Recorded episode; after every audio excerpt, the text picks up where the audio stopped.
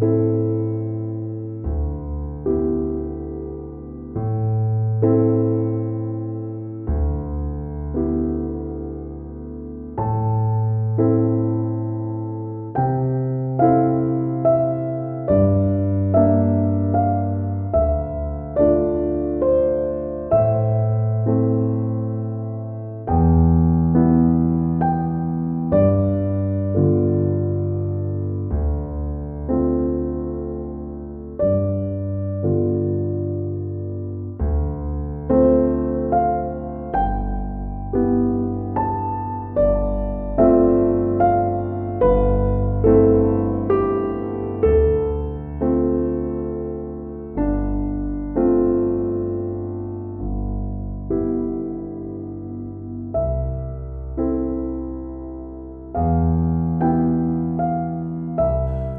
De omgang, 14 mei.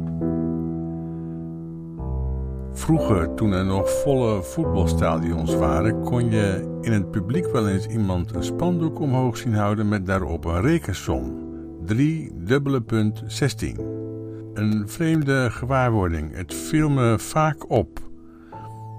Wat zou zo iemand bedoelen in een voetbalstadion bijvoorbeeld? Dat Feyenoord in het Olympisch Stadion met 3-16 wint van Ajax? Nee, deze voetballiefhebber Annex Evangelist bedoelde de medesportliefhebbers te wijzen op een bijbeltekst. Johannes 3, vers 16. Want al zo lief heeft God de wereld gehad dat hij zijn enige geboren zoon gegeven heeft, opdat een ieder die in hem gelooft niet verloren gaat, maar eeuwig leven hebben. Een wonderlijke tekst, ook voor boeren blijkbaar, want hij verschijnt nog eens aan de rand van een weiland. Wat is dat trouwens, dat eh, in hem geloven?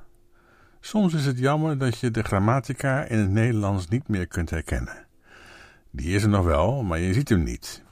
In het Duits bijvoorbeeld kun je dat wel. Daar is een verschil tussen de derde naamval en de vierde naamval.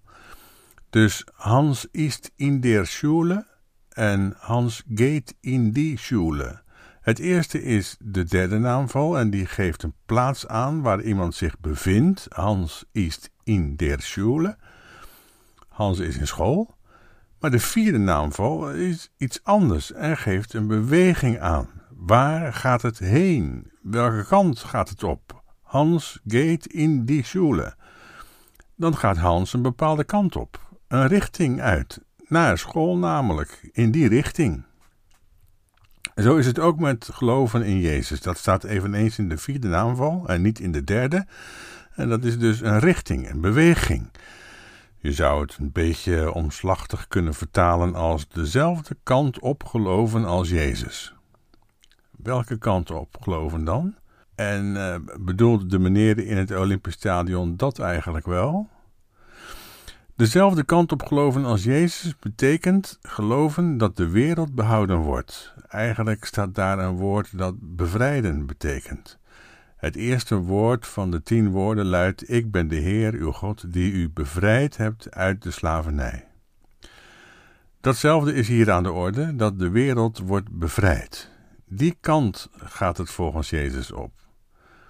Ja, ja, maar ho eens even, dat gaat zomaar niet. Hoe vaak ik dat niet gehoord heb, lieve mensen, van gemeenteleden die dat tegen mij zeiden of schreven in boze brieven en mailtjes. U doet, u doet net alsof God wil dat iedereen wordt behouden. En dan zeg ik ja zeker, en ik doe niet net alsof, dat is ook zo. En dat geloof ik, stellig. Maar, zo gaat men dan vaak verder, dat kan toch niet? Er zullen toch ook mensen moeten zijn die niet worden behouden? Het, het kan toch niet de bedoeling zijn dat iedereen wordt behouden? Hoezo kan het niet, zeg ik dan, als God het nou wil? De doe eens 3 dubbele punt 17. Ik bedoel, lees eens door. Vers 17 luidt, eh, want God heeft zijn zoon niet in de wereld gezonden opdat hij de wereld veroordelen, maar opdat de wereld door hem behouden worden. Nou, daar is toch geen woord Spaans bij, als God het nou wil. Nou, dominee, en toch geloof ik dat niet. Er zullen ook mensen verloren gaan en veroordeeld worden.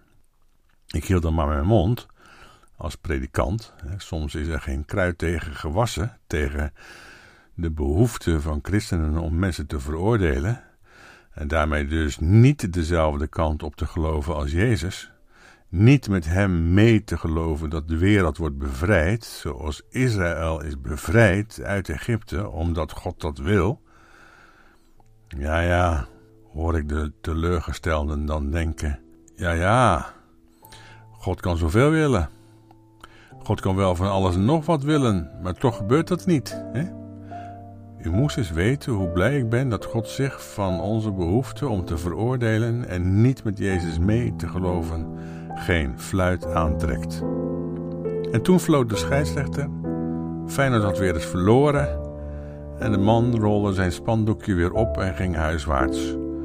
Een ervaring rijker en een illusie armer. Bedankt voor het luisteren. Tot morgen.